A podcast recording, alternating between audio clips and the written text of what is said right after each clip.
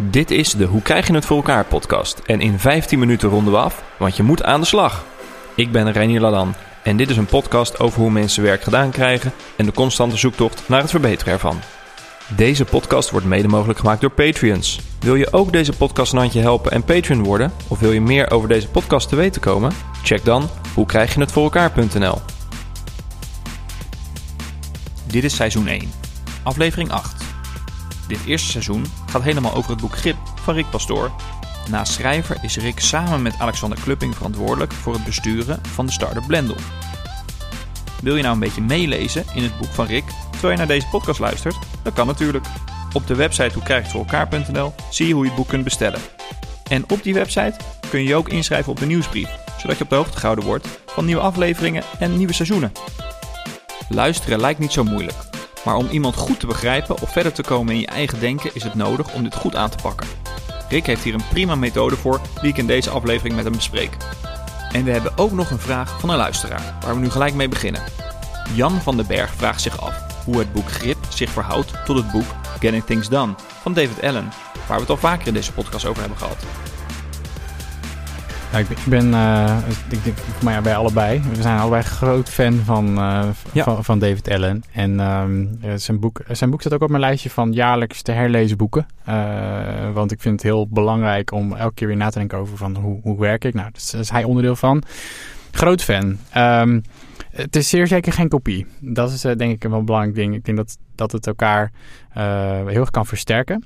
En wat ik heb geprobeerd is een handleiding te schrijven om slimmer te werken, die heel kort en bondig is. Ik heb geprobeerd om in mijn boek op elke pagina eigenlijk, in ieder geval elke, elk begin van elk hoofdstuk, zo op te schrijven dat je er vandaag mee aan de slag kan. Zo simpel mogelijk. En ik merk toch dat, uh, nou, dat, mensen, uh, dat mensen daar naar op zoek zijn. En dat als ze dan zeggen van nou ik wil de diepte in, echt de diepte ingaan over uh, nog veel meer details rondom die uh, die, die manier van denken van David Allen. Als het gaat over takenlijsten en hoe je dat dan precies organiseert. Ja, dan, dan moet je, dan moet je uh, Getting Things Done uh, zeker lezen. En ik raad ook, ook in mijn boeken verschillende momenten aan om te zeggen van... Hey, duik dan, als je dat leuk vindt, duik, duik dan de diepte in met, met David Allen.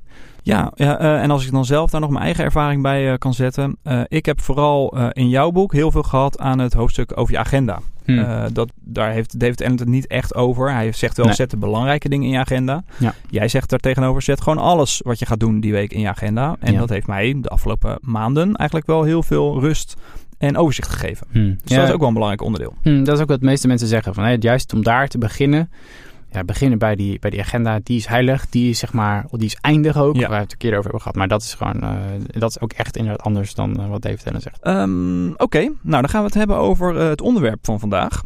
En dat is slimmer luisteren. Hmm. Dat is in jouw boek hoofdstuk 9. Ja. Hebben wij een, een algemeen probleem met luisteren? Als mensheid? Nou, ja, misschien herken je het als je op een feestje bent, of als je met vrienden bent, of als je, of als je op je werk bent. Uh, heel veel mensen vinden het fijn om te praten. En het is een beetje gek, want deze podcast, dan moet ik natuurlijk dingen vertellen. Maar wat ik zie is dat uh, ja, we heel graag toch willen laten horen wat we zelf vinden. En eigenlijk is het een beetje gek, want wat je zelf zegt, uh, dat weet je al. en als je met andere mensen bent, is het eigenlijk veel leuker om te horen wat de ander zegt. Dus daar begint het hoofdstuk ook mee. Dat ik eigenlijk zeg, joh, als je um, slimmer wil werken, als je meer gedaan wil krijgen, heb je betere input nodig, heb je betere informatie nodig. En er is maar één manier om dat echt uh, tot je te nemen, dat is gewoon om het vaak in je mond te houden. Uh, want dan, dan gaan andere mensen wel praten en dan, dan leer je wel echt wat nieuws. En dan gaat het eh, op professioneel niveau, toch? Het is niet dat tante Clara op een hele verjaardag tegen je aan zit te, te bakkeleien... en dat je dan maar gewoon je mond moet houden en te luisteren. Nee, natuurlijk niet. Maar het is wel zo dat ik ook, ook in buitenwerkomstandigheden... het heel interessant vind om, uh, om te kijken van... Wat kun, je nou, wat kun je nou leren van iemand die je tegenkomt. Ja, oké. Okay. Ja. Maar goed, ja, het gaat, gaat om leren inderdaad. Het gaat niet om koetjes en kalfjes en wat is er gebeurd in het dorp. En, uh, ja. Ja, ook boeiend, maar ja, Ja. inderdaad. Ja. Um, En um, wat is luisteren dan volgens jou? Ja, dus, dus gelukkig is er nog wel iets meer over te zeggen dan alleen maar meer je, meer je mond houden. Uh, nou, eigenlijk de onderdelen die ik dan identificeer zijn uh, verkennen, vragen, snappen, verwerken, toepassen en terugkoppelen. Ik denk het voert iets te ver om ze nu allemaal helemaal in detail uit te werken. Maar waar het eigenlijk op neerkomt bij bij het verkennen is dat je voordat je iemand spreekt, dus laten we even, laten we even een situatie schetsen waarbij je bijvoorbeeld een, een webshop beginnen oh, in hoesjes van telefoons. en je, je gaat iemand spreken die ook een webshop heeft. dan kun je gewoon zo'n gesprek inwandelen en zeggen, nou joh, we gaan het eens even over hebben. Ik denk dat het heel belangrijk is dat je voor die tijd even een paar minuten nadenkt over van, maar wat, wat wil ik nou eigenlijk weten? Wat wil ik nou uit het gesprek halen? Uh, wat zijn nou de dingen die deze persoon mij wel of niet kan, uh, kan, kan leren? Nou, dat zit hem in die, in die verkenningsfase. En dan gaat het over, uh, over de vragen. Dus hoe, wat voor vragen zou je kunnen stellen om ervoor te zorgen dat je, dat je de echte informatie eruit haalt? En heel vaak is het zo um, dat je naar iemand luistert en dat je ondertussen alweer nadenken bent over wat ga ik nu hierna vragen. Waardoor je eigenlijk niet goed luistert naar wat die persoon zegt. En daarom raad ik je dus aan om dat, dat gesprek goed voor te bereiden. Een lijst te hebben met vragen. Uh, maar ook om een klein beetje ja, jezelf vertrouwd te laten zijn met het, uh, met het doorvragen. Dus uh, nou, misschien ken je dat principe natuurlijk van vroeger. Zo van luisteren, samenvatten, doorvragen. Dat LSD-principe.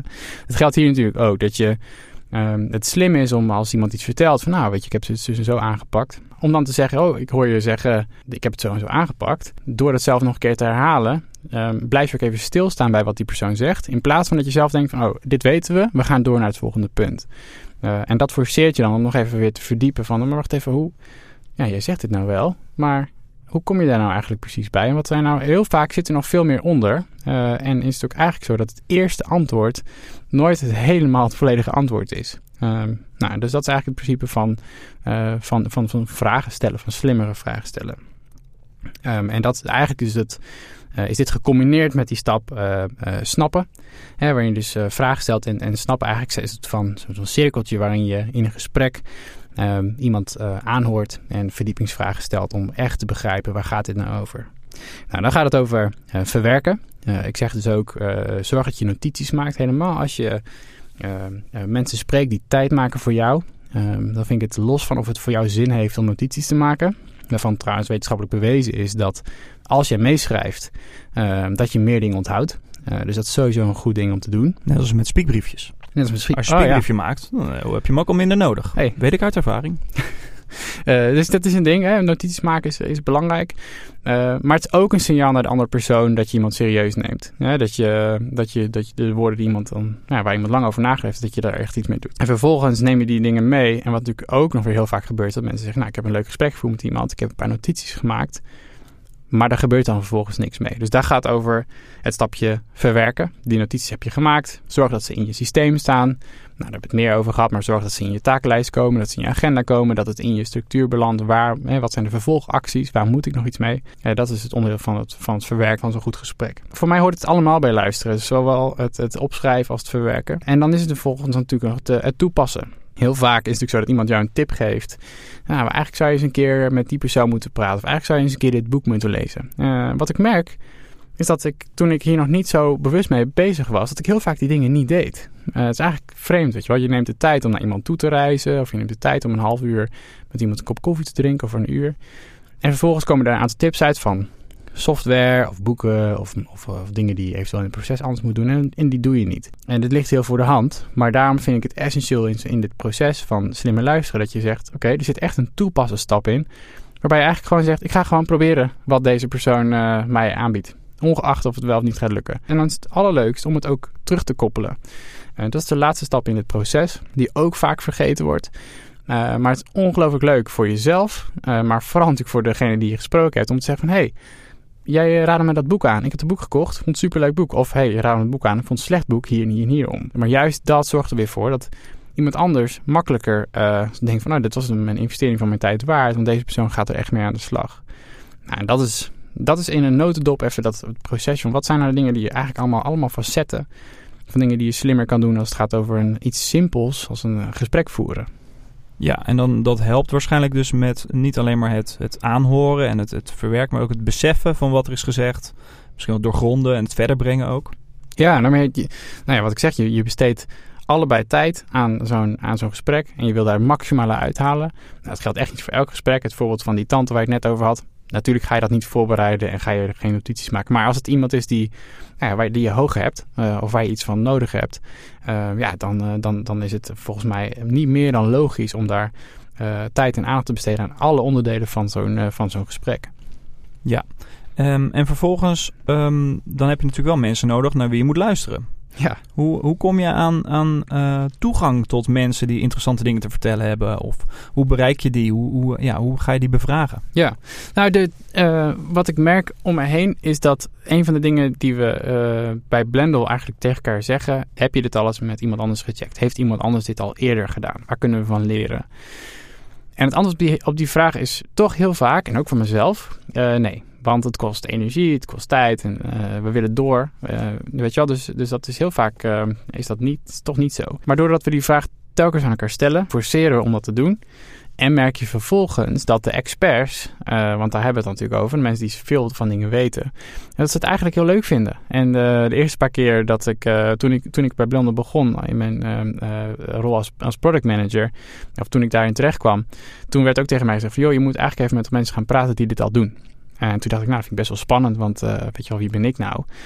Maar uh, ik merk, en dat is nu, ik merk nu ook als ik met andere mensen praat, dat het ontzettend leuk is om iets te delen over wat je de afgelopen jaren allemaal hebt geleerd. En die persoon, uh, en dat deed ik zelf dus ook, en soms deed ik dat beter dan een andere keer, maar mits die persoon er ook even serieus over heeft nagedacht. Dus ik merk dat nou, van de manier waarop ik het uh, vraag. Dus heel open van hey, zouden we, uh, op een bepaald moment ergens kunnen, kunnen afspreken. Dat kan kort, dat kan in een half uur. Ik kom naar een plek die voor jou prettig is. Um, en ik, ehm, weet je wel, ik, op die manier maak ik het die persoon zo makkelijk mogelijk. Zeg ik altijd, als het, als, je, als het niet past of niet wil, geen enkel probleem. Weet je wel, zo kun je de drempel voor die ander zo laag, laag mogelijk maken. Het zijn wel vaak mensen die je niet kent, persoonlijk. Ja. Um, dus uh, hoe kom je überhaupt achter mensen die hetzelfde doen als jij? Of uh, hoe bereik je ze vervolgens? Ja, het gaat eigenlijk altijd via via. Dus uh, is toch, hier komt toch het, het, ouderwetse netwerk om de hoek. nou, ik merk dat Twitter een heel belangrijke bron is van mensen dat je denkt... hey, die, die zegt interessante dingen of die werkt op een interessante plek. Um, LinkedIn blijft gewoon een plek van, van mensen die, waar je gewoon heel veel mensen tegen kunt komen. En ook kunt, makkelijk kunt zien wie die mensen dan wel kennen. Ja, het is ook heel vaak zo dat ik dan hier intern dat iemand van, nou weet je, ik wil eigenlijk wel eens hier wat over leren. Dat ik zelf al iemand ken. En ik zeg, nou, je moet eens even die persoon gaan praten. Zal ik jullie introduceren? Of, hey, uh, ik weet dat dit soort mensen zitten bij dit en dit specifieke bedrijf. Nou, laat ik eens even op, uh, op LinkedIn gaan kijken of op Twitter gaan kijken of, op, uh, of gewoon op internet gaan kijken van, kennen we daar toevallig iemand of, of zit er iemand in die rol? En kunnen we dan vervolgens een introductie regelen? Ja. Um, in je boek heb je een matrix staan, een adviesmatrix. Ja, die is echt gaaf. Ja, kun je misschien een beetje uitleggen hoe die eruit ziet? Ja. Uh, in, in uh, radiotermen. Ja, ja, ja, heel goed. Mensen nee. pakken nu even het boek erbij, dat kan natuurlijk ook. Pagina 230. Kijk. Waar, waar ik een beetje uitkwam is dat, um, dus als er al advies gevraagd wordt, dan stellen we die vraag soms wel aan de verkeerde persoon. Uh, dus toen ik dat soort van ging ordenen, kwam ik er eigenlijk op uit dat er twee assen zijn. De ene as, het gaat over nou, iemand die um, veel kennis heeft van de inhoud. Uh, eh, veel of weinig kennis, sorry, dat moet ik op die manier zeggen. Uh, en de ander, dat gaat over context. Dus hoe goed kent die persoon jou en juist jouw situatie? En als je die twee in een matrix zet, komen daar vier groepen uit. Dus dan heb je een groep mensen die weinig weten over jou. Dus die zijn geen vrienden, geen familie, geen bekenden. En ook weinig weten van de inhoud. Nou, dat, dat noem ik de vage bekenden. en die weten eigenlijk, ja, die kun je eigenlijk niet helpen. dus als ik dan zeg, nou weet je, ik wil echt beginnen met beleggen of zo. Hè?